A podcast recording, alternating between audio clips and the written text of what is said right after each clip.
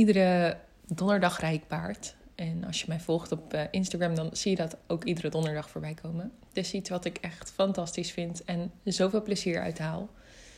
Maar lang niet altijd ook plezier uit heb gehaald. Of op sommige momenten nog steeds um, de het plezier wordt onderdrukt door ook onzekerheid en, en angst. En ik was daar van de week eens over na aan het denken. Want waar paarden natuurlijk um, tijdens het coachen, als je naast ze op de grond staat met twee voeten, uh, heel goed laten zien hoe jij in elkaar zit en hoe je op bepaalde situaties reageert. Laat ze dat ook zeker zien als je erop zit, als je aan het paardrijden bent. En kijk, ik doe dat niet omdat ik wil dat het paard uh, gelijkwaardig is in een sessie als we zoiets onderzoeken. En dat hij ook zelf kan bepalen of hij in het proces is of niet. Dus zodra jij er niet op zit, kan hij zelf bepalen: ik loop weg hier, of ik ben erbij, of uh, ik haal er iemand anders bij, een andere kuddegenoot. En dat kan niet als we erop zitten, natuurlijk. Ja, hij kan proberen je eraf te gooien, maar dan is, dan is hij nog niet weg, dan is hij nog steeds in de bak. En waar deze gedachtegangen eigenlijk vandaan kwamen en door ontstonden, is doordat ik met een aantal um, mensen uit mijn paardrijles een buitenrit heb gepland staan. En met nog twee andere vriendinnen heb ik ook een buitenrit gepland staan super tof. Ik geniet daar echt enorm van. En dat is ook precies het stukje waar ontstond van... hé, hey, ik ben benieuwd hoe dit zit en ik ga het eens onderzoeken voor mezelf. Um, want waar ik tijdens een buitenrit echt zoveel plezier heb en zo oneindig kan genieten... kan ik in de bak dus af en toe, als we binnenrijden, gewoon met z'n allen in een les een bepaalde onzekerheid voelen, een bepaalde angst, um, gereserveerdheid, voorzichtigheid. En in extreme gevallen, en die zijn er zeker wel eens bij bepaalde paarden, blokkeer ik helemaal. Dus functioneert mijn lichaam eigenlijk niet meer met hetgeen wat er tegen me wordt gezegd of hetgeen wat mijn hoofd überhaupt bedenkt. En dat is natuurlijk mega waardevolle informatie als je er even voor gaat zitten om te bedenken: wat is dit nou eigenlijk en waarom doe ik dat? En waar wordt dat door getriggerd? En ik dacht, hè, ik reis sinds 2006 paard. Laat ik dat eens eventjes een keertje gaan doen. Um, het is eigenlijk nooit eerder in me opgekomen om dat zo aan elkaar te relateren. En dat, is, dat klinkt misschien heel gek. Um, is het misschien ook, misschien ook niet. Ik weet het niet. Voor mij bestaan er geen goed of fout. Het is ontstaan doordat we in de les uh, rijden er een aantal vrouwen mee. Um, die hebben altijd wel, uh, die zijn zeker en uh, die zitten vol vertrouwen op de paarden. Die rijden ook de wat uitdagendere paarden. En die vertellen mij dan ook altijd: hè, ja, je, moet niet, je moet niet zoveel nadenken, je moet gewoon doen en uh, gewoon met vertrouwen zitten. En dat, je moet het opzoeken en aangaan. Um, het is lief bedoeld, het is ook een beetje grootspraak. Want als we vervolgens dus een buitenrit gaan maken, dan zijn zij degene die het heel spannend vinden en ik niet. En kijk, dan kan ik natuurlijk gaan denken, uh, ik ga even over hun nadenken en wat, wat surfen, hè, want ze hebben altijd van zo'n grote praat. Maar ik kan ook bij mezelf gaan inchecken van, goh, wat is voor mij dan het verschil met een buitenrit en binnenrijden? En daaruit ontstond eigenlijk zo'n gedachteproces. En vervolgens is dat dan natuurlijk verder gegaan naar, hey, hoe komt het dan dat ik blokkeer op sommige paarden en wat triggert dat? En nou, eigenlijk iets van een, een beetje een luchtig iets naar iets dieper en um, verder onderzoeken. Wat ik met veel metaforen in mijn leven eigenlijk wel gewend ben om te doen, maar met paardrijden nog nooit had bedacht te doen. In die, uh, wat is het? 16 jaar, zeg ik dat goed? Ja, rekenen is niet mijn sterkste kant. Eind 2006 ben ik begonnen. En um, nou ja, nu dus nog steeds. Dus uh, het leek me nu in één keer een goed moment om dat te gaan onderzoeken. En ik wil je erin meenemen. Want misschien haal jij er ook iets uit. Misschien heb jij ook iets in je. Of niet misschien, ik weet zeker dat je iets in je dagelijks leven hebt. Waar je een bepaalde lessen uit kan trekken. Of informatie uit kan onttrekken. Uh, wat waardevol is in jouw bewustzijnproces. En in jouw transformatieproces. Of ja, het meer kunnen ontdekken van waarom jij doet wat je doet en hoe je dat kan aanpassen en waar bepaalde triggers zitten. En voor mij was het eerste deel dus, wat ik al zei, hè, het verschil tussen binnenrijden en buitenrijden, waar zit dan dat verschil? En uiteraard kon ik niet anders dan vanuit Human Design daar eens naar kijken. Um, en waar, waar bij mij heel snel een antwoord vandaan kwam was het feit dat uh, in human design heb je natuurlijk al die vakjes in je, in je chart. Dus echt voor de mensen die helemaal weinig ervan weten of nog steeds denken van hé, hey, dit is echt Chinees. Je hebt al die vakjes staan en ze zijn, sommige zijn gekleurd, sommige zijn wit. En als ze wit zijn, het zijn de centra die staan voor bepaalde eigenschappen, bepaalde energieën in jou. Dus je emoties, je ehm, angsten, maar ook stress en de communicatie, ideeën, inspiratie, nou ja, zo alles. Ehm, de richting die je op wil en je daadwerkelijke energie, dus je batterijtje, of die opgeladen is of niet. Ehm, en of je energie hebt om iets te doen of niet. Heel praktisch gezien. Dus niet de energie van de energie hoe je aanvoelt. Die energie, al die vakjes die, die zijn dus vertegenwoordigen een van deze aspecten. En als het open is, betekent dat je niet een constante toegang hebt tot die energie. Um, en dat je tegelijkertijd die energie van mensen in jouw omgeving oppikt en keer tien ervaart. Heel praktisch als ik bijvoorbeeld aan het coachen ben en ik kan dat bewust inzetten. Dus waarvan ik weet, oké, dit is niet van mij, maar van de ander. En ik kan daar iets mee. Niet praktisch op het moment dat ik me er niet bewust van ben. En dat is voor jou natuurlijk net zo.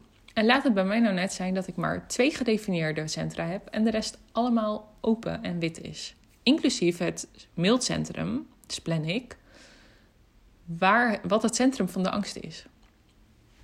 En dat stukje, dat gegeven, dat maakte voor mij eigenlijk in één keer de puzzel compleet. En dat ik dacht, ja, hoe interessant als je het vanuit Human Design zou benaderen. In een bak, als we met z'n allen daar rijden, zijn we best wel dicht op elkaar natuurlijk. Ervaar ik waarschijnlijk de gevoelens van anderen, de emoties van anderen, de angsten van anderen, die zij zichzelf niet eens bewust van zijn. Maar doordat ik ze keer tien ervaar, en van meerdere mensen waarschijnlijk die dat centrum dan dus gedefinieerd hebben, voelt het voor mij nog tien keer zo angstig als voor een ander dat kan zijn. Waar als we buiten rijden, die energie van anderen lekker zich verspreidt in het oneindige waar we zijn, in de buitenlucht. En dat niet allemaal naar mij toe komt en ik dat niet allemaal oppik. En ik ook gewoon met buiten, ja, in de buitenlucht ben. Ehm, ik weet niet hoe ik hem dat nog praktischer vertaal, maar ik, snap, ik denk dat je me snapt. Ik ga ervan uit dat je begrijpt wat, hoe ik hem bedoel. En dat ik daardoor ook echt kan genieten en in het moment kan zijn en plezier kan hebben. En ja, echt dat gevoel kan ervaren wat bij mij van binnen zit. Omdat ik weer bij mezelf kan zijn. En binnen dat dus wordt beïnvloed, doordat we met z'n allen in zo'n kleine ruimte zitten. Goed, dat is een verklaring van al human design.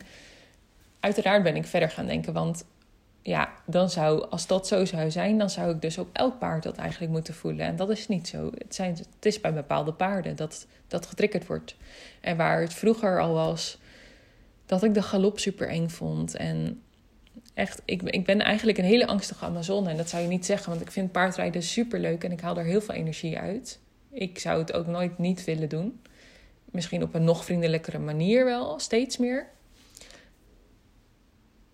Waar ik wel dus altijd heel veel angst heb gekend op het paard. Als we gingen galopperen, was ik bang dat hij ging bokken of dat hij iets raars ging doen. Of, um, ik heb vaak genoeg op het midden gestaan huilend dat ik ging afstappen en naar een stal ging.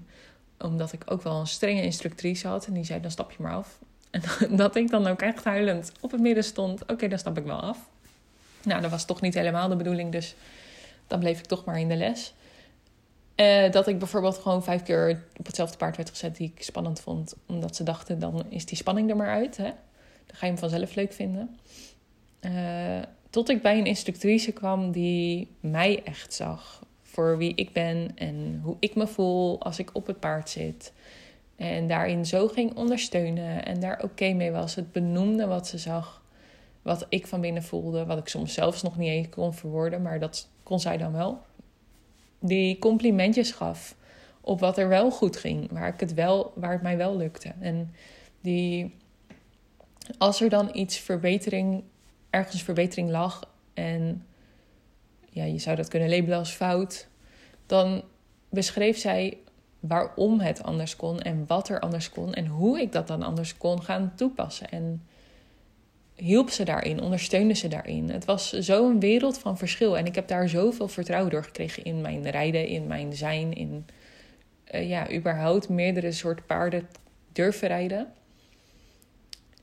En ik rijd nog steeds bij die instructrice, dus dat is nog steeds heel prettig. Maar zij maakt al een tijdje niet meer de lijst. En de lijst wordt dus weer door iemand anders gemaakt. En dan heeft een beetje dezelfde tendens als mijn allereerste instructrice. Ik zet er maar gewoon op de paarden die ze heel spannend vindt, want dan gaat het vanzelf een keer voorbij.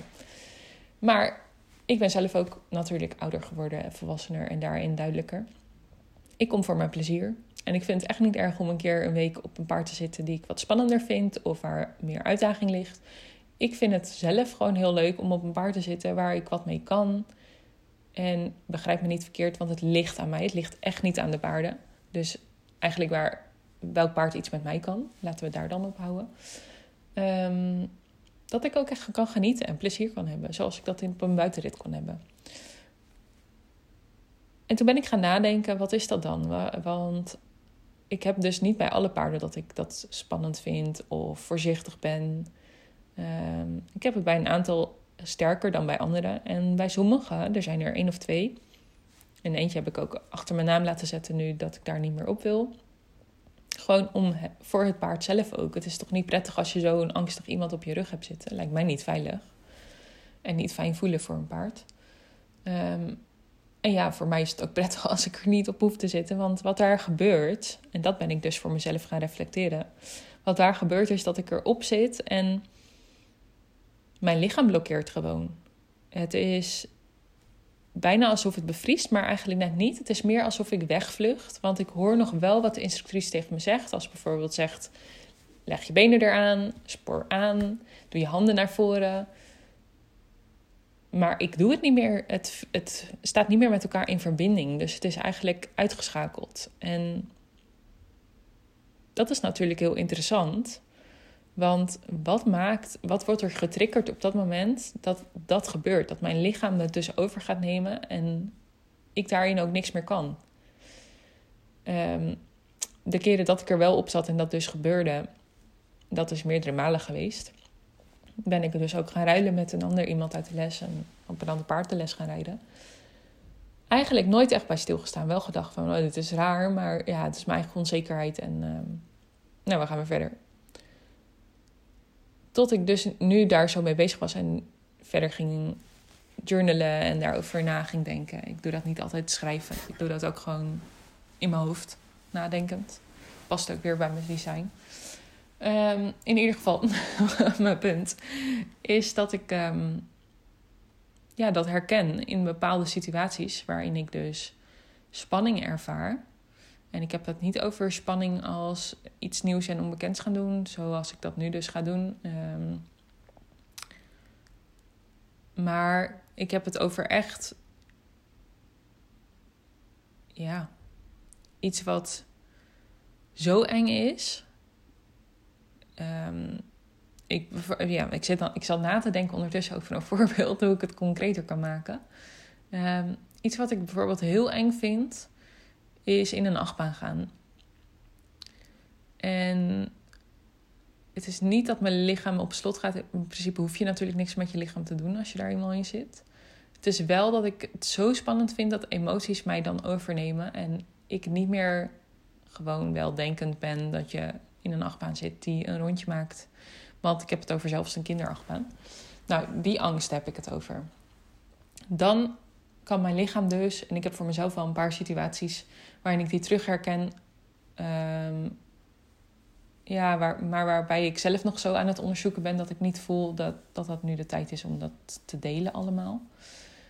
Die ik terug kan herleiden als in waar mijn lichaam dat ook doet. Dat uh, het in één keer afblokt. En ik achteraf dan pas kan zien van hé, hey, wat gebeurde er? Of het gebeurde weer. Of uh, het was weer in zo'n soort situatie dat dat gebeurde. En daar ligt natuurlijk super waardevolle informatie.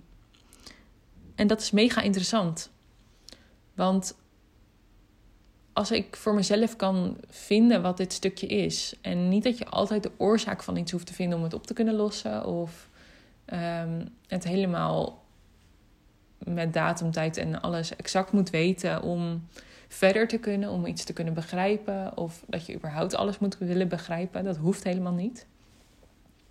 Het is wel mega informatief om überhaupt een vraag te kunnen vormen als ik ergens coaching hierop ga volgen. En ik heb hier al vaker coaching op gevolgd op dit thema. Niet direct gelinkt aan het paardrijden en dat mijn lichaam afblokt, maar wel op het thema dat er voor mijzelf aan gelinkt zit. En ik geloof ook dat dit een stukje is wat heel belangrijk is als jij ergens coaching volgt of als je ergens hulp gaat vragen. Dat is super mooi. En ik geloof dat het alleen maar nog waardevoller is als je al een stukje zelfonderzoek hebt gedaan. Überhaupt is dat denk ik waar je eigenlijk altijd mag beginnen. En niet mogen als in ehm, dat, het, dat je toestemming moet hebben. Maar dat het een mooie plek is om vandaan te komen als je dan de coaching ingaat.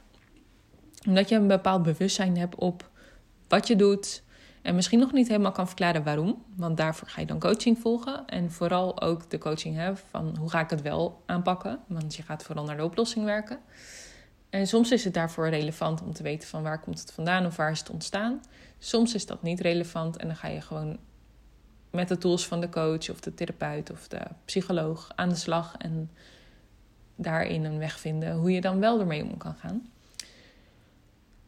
Het is denk ik helpend, omdat je als jij voor jezelf helder hebt: oké, dit is waar ik tegenaan loop en in deze situaties keert dat terug, dan kan je daar een hele heldere coachvraag aan vormen, aan koppelen. En niet dat de coachvraag tijdens een proces nooit meer kan veranderen. Natuurlijk kan dat veranderen.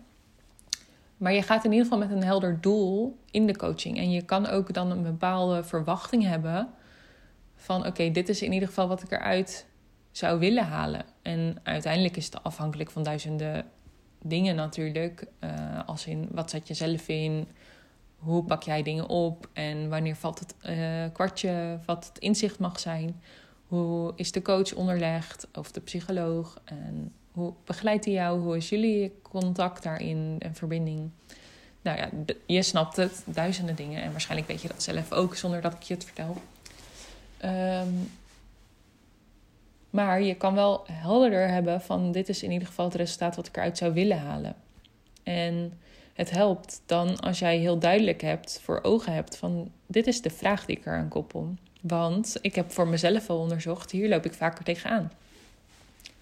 Als je dat pas gaat doen terwijl je in zo'n coachproces gaat, dan ga je dus eerst onderzoeken van oké, wat is er eigenlijk? Oh, waar moet ik me bewust van worden? En tuurlijk kan dat ook, alleen ga je langer bezig zijn. En ik weet gewoon, heel veel mensen volgen coaching met een bepaalde verwachting voor een bepaald resultaat. Wat sowieso de vraag is of dat heel verstandig is om te doen. Maar goed, dat zo zijn wij als mensen ook wel heel erg ingesteld om al resultaatgericht te zijn. En daarin iets te verwachten en concreet te willen weten, dit ga ik eruit halen, want dan kan je bepalen of het het waard is. Dat is weer een hele andere podcast en daar ga ik je wel een andere aflevering in meenemen. Ehm, dat is sowieso interessant voor jezelf om te onderzoeken. Het feit is, je gaat eerder een resultaat behalen als jij duidelijk voor ogen hebt wat je, waar je tegenaan loopt en wat je wil onderzoeken, dan wanneer je dat nog gaat onderzoeken in het proces waarvan je resultaat hoopt te halen dan kan je in ieder geval voor jezelf alvast weten: het gaat langer duren. Want ik heb eerst nog tijd nodig om te ontdekken wat ik überhaupt wil onderzoeken. Goed, dat gezegd hebbende, weer terug naar mijn verhaal. Um, want ik kwam achter dus nog een stukje in dat hele reflecteren. En die vind ik ook wel interessant om je mee te geven. Want ik denk dat dat ook iets is wat, nou ja, misschien meer mensen herkennen en misschien ook niet. Dan ben ik de enige erin, dat is ook prima. Ik ben namelijk gaan nadenken bij welke paarden is dat dan? Dat ik uh, zo afblok of in ieder geval voorzichtigheid ervaar en een beetje spanning in mijn lichaam voel. Want ja, daar ben ik me wel bewust van tijdens het paardrijden. Dan, dan voel ik echt wel hoe ik er zelf bij zit, hoe ik er zelf bij sta, al op stal. Uh, voordat ik opstap in het eerste contact. Um, en soms zelfs al thuis. Dan uh, de avond van tevoren, als ik daarover nadenk. Dan krijg ik of heel veel kriebels en dan zit ik vaak ook op een van die paarden. Of uh, ik krijg soms zelfs gewoon de naam door waar de kop zit. En dan ben ik bij helemaal niet elderziend of iets hoor. Maar gewoon wel de naam en die, daar, daar zit ik dan ook echt op de volgende dag. Kan toeval zijn, ik geloof niet in toeval. Um, dat terzijde. De paarden waar ik wel um, die spanning vaak voel, Dat zijn eigenlijk allemaal merries. En toen ben ik gaan nadenken. En voor de mensen die niks van paarden weten, vraag me af of je dan nu nog aan het luisteren bent. Maar merries zijn de vrouwelijke paarden. Um, ben ik gaan nadenken van, goh, wat, waar zit dat dan aan gelinkt en wat is dat? Sowieso denk ik, merries zijn altijd heel duidelijk in wat ze ergens van vinden. En die communiceren dat ook heel duidelijk. Die zijn wat, ja, ik zou zeggen, ik vind um, Ruine daarin wat zachter in communicatie. En tuurlijk uitzonderingen daar gelaten. Maar merries zijn een ja, spiegel vind ik nooit het juiste woord, maar een duidelijkere spiegel van hoe jij je voelt en wat zij ervan vinden. En ik denk dat dat gebeurt op het moment dat ik op zo'n Mary zit of met een Mary in contact ben. Dat ik nog bewuster werd gemaakt van hoe zit ik er zelf bij? Hoe sta ik er zelf bij? Hoe communiceer ik? Wat doe ik? Hoe voel ik me? Wat vraag ik van het paard? En zij zullen het ook meteen laten weten als het niet eerlijk is of als het niet duidelijk is. En dat vind ik natuurlijk heel spannend. Want dan, ja, dat uitzicht wel eens in een bokken of wegrennen of een, een sprong opzij maken. En goed, dan kan je hem natuurlijk helemaal verder gaan uitdiepen. En dat, dat ga ik voor mezelf ook echt nog wel doen. Maar ik wil deze podcastaflevering ook niet een uur maken. Um, waar ben je dan bang voor en wat is dat dan? En die grootheid en het vallen en nou ja, hè, er zit zoveel nog aan gelinkt waar je, wat, je, wat ik voor mezelf kan onderzoeken en wat ik ook zeker wel ga doen. En misschien als je zegt, ik vind dit interessant, kan ik jullie daar nog eens in meenemen. Um, maar dit was wel het laatste puntje wat, wat voor mij nog interessant was. En wat voor mij heel erg meteen naar boven kwam met het stukje ehm, Mary's, is hoe sta ik eigenlijk in contact met mijn eigen vrouwelijkheid? En met mijn vrouwelijke kant, met mijn grenzen aangeven, met mijn emoties, met het gewoon zijn, het mogen ontvangen. Want dat is natuurlijk ook de vrouwelijke energie als je meer in energie gaat vertalen. In plaats van altijd maar doen. Ja, en daar zit denk ik wel een interessant stukje wat ik voor mezelf nog meer mag um, en ga bekijken ook. Um, ik las laatst iets over het woordje mogen. En ik merk dus elke keer als ik nu het woordje mogen gebruik, dat ik daar um, aan terugdenk. En het inderdaad niet passend en kloppend voelt. Want, nou ja, goed, dit is even een gekke zijsprong, maar daar ben ik toch de hele tijd al aan het maken. Um, dat is dus ook hoe mijn gedachten gaan. Dat is hoe mijn hoofd gaat. Er stond in het berichtje dat er zo vaak wordt gesproken over dat je voor deze opdrachtgever mocht werken of dat je deze klant mocht helpen. En, ik, en dat het, het mogen, dat dat niet altijd het mogen is. Je hebt, je hebt het gewoon gedaan. En je bent gaan helpen. En je hebt samengewerkt of je werkt samen. Um, uiteindelijk lever jij namelijk ook iets. En lever je elkaar iets. En ga je een opdracht aan. En dat is niet het mogen van... Oh, ik uh, ben zo dankbaar en... Uh, nou ja, ik, ik, ik, kan hem natuurlijk niet helemaal vertellen, want het zijn niet mijn eigen woorden. Maar de, de kern van de post was van die persoon: het woordje mogen vaak, vaak wordt gebruikt, heel vaak wordt gebruikt. Alsof het een godsgeschenk is dat we iets mogen doen. Terwijl we er gewoon zelf keihard voor werken en we goed genoeg zijn om dat te mogen ontvangen. Uh, en dan gebruik ik het woordje mogen in. En bij, mij heeft hij iets aangezet waardoor ik dacht: oké, ja, het woordje mogen, inderdaad. En um, het is niet dat we hem nooit meer mogen gebruiken. Ik bedoel, ik heb hem nu ook al tien keer gezegd. Maar ik denk wel dat we bewuster kunnen zijn in wanneer we hem gebruiken. Goed, het was een hele gekke zijsprong.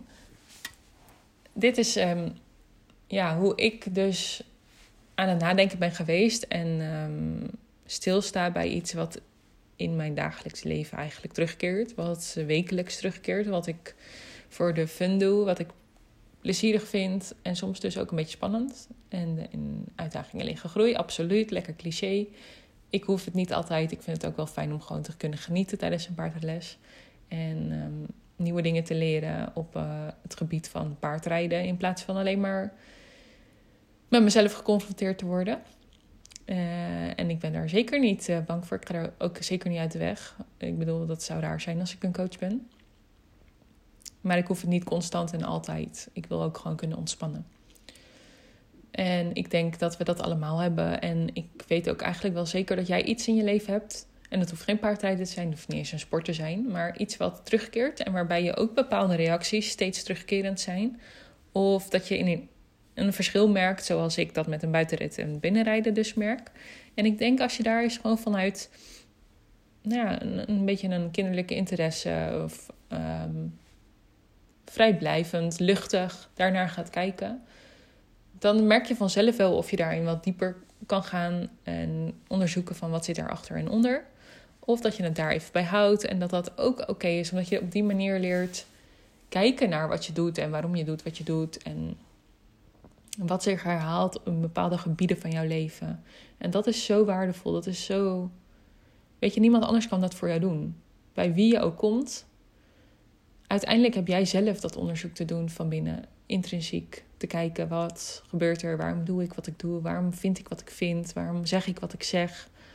En een coach, een therapeut, een psycholoog, die kan je daarin faciliteren. Ik kan je daarin faciliteren, samen met de paarden. Maar ik kan nooit voor jou vertellen waarom jij dat doet. Die antwoorden zitten in jou en die kan alleen jij bereiken.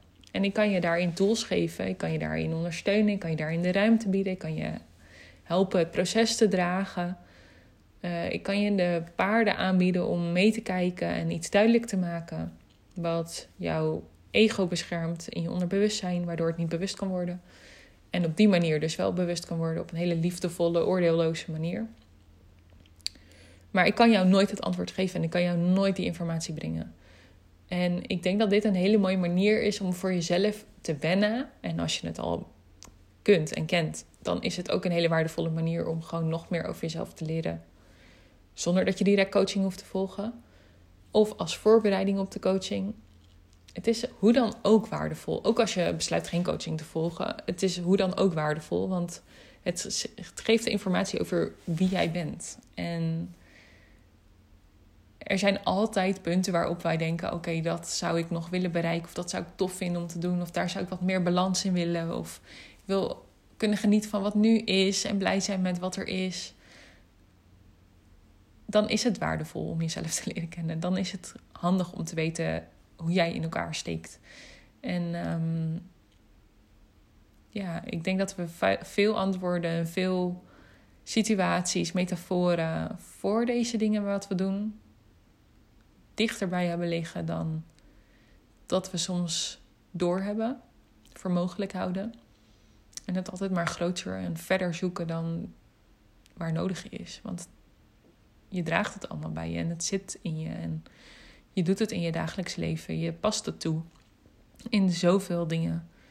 Ga daar eens beginnen. Ga daar eens kijken. En mocht je daarna zeggen van ik vind het tof om, om het samen te onderzoeken. Of nou ja, ik wil überhaupt bij de start al samen onderzoeken. En weet dat ik er dan langer mee bezig ben om bij mijn resultaten te komen. Je weet de weg naar mij te vinden. En um, ja, daar wil ik eigenlijk niet meer aan toevoegen dan dat. Um, ik zie je vanzelf. Als je er klaar voor bent, als het uh, voor jou kloppend voelt. En ik wens je voor nu in ieder geval heel veel wijsheid in. En ook luchtigheid in het kijken naar dingen die jij in je dagelijks leven toepast. Want ja, zoals je hoort, ik heb er in ieder geval al drie mega waardevolle punten uit kunnen halen. En als ik hem verder ga onderzoeken, ga ik daar zeker weten nog veel meer uithalen. En dan kan ik voor mezelf ook concreet bepalen wat wil ik nou eigenlijk onderzoeken in, als ik weer een traject ergens ga volgen of als ik een opstelling ergens ga laten doen. Want ja, ook ik doe dat. Ook ik ontwikkel mezelf. Ik geloof dat we nooit uitgeleerd zijn, dus uh, ik zou ook nooit pretenderen dat ik dat ben en dat ik perfect ben en dat ik niks meer te leren heb. Ik denk dat dat ook juist mooi is, want in wat ik zelf leer kan ik jou ook weer verder ondersteunen en faciliteren op een nog passendere manier. En vanuit nog meer bewustzijn en acceptatie van mezelf. Ik wens je een hele fijne dag. En ik hoor graag als je hier meer over wil weten. Of uh, als je denkt dat het waardevol is voor iemand anders, deel het vooral. Um, laat een review achter hier in de podcast. Dat mag natuurlijk altijd. En ja, dat is mag. Want je moet het niet. Ik zou het wel heel tof vinden. Thanks voor het luisteren en een hele fijne dag.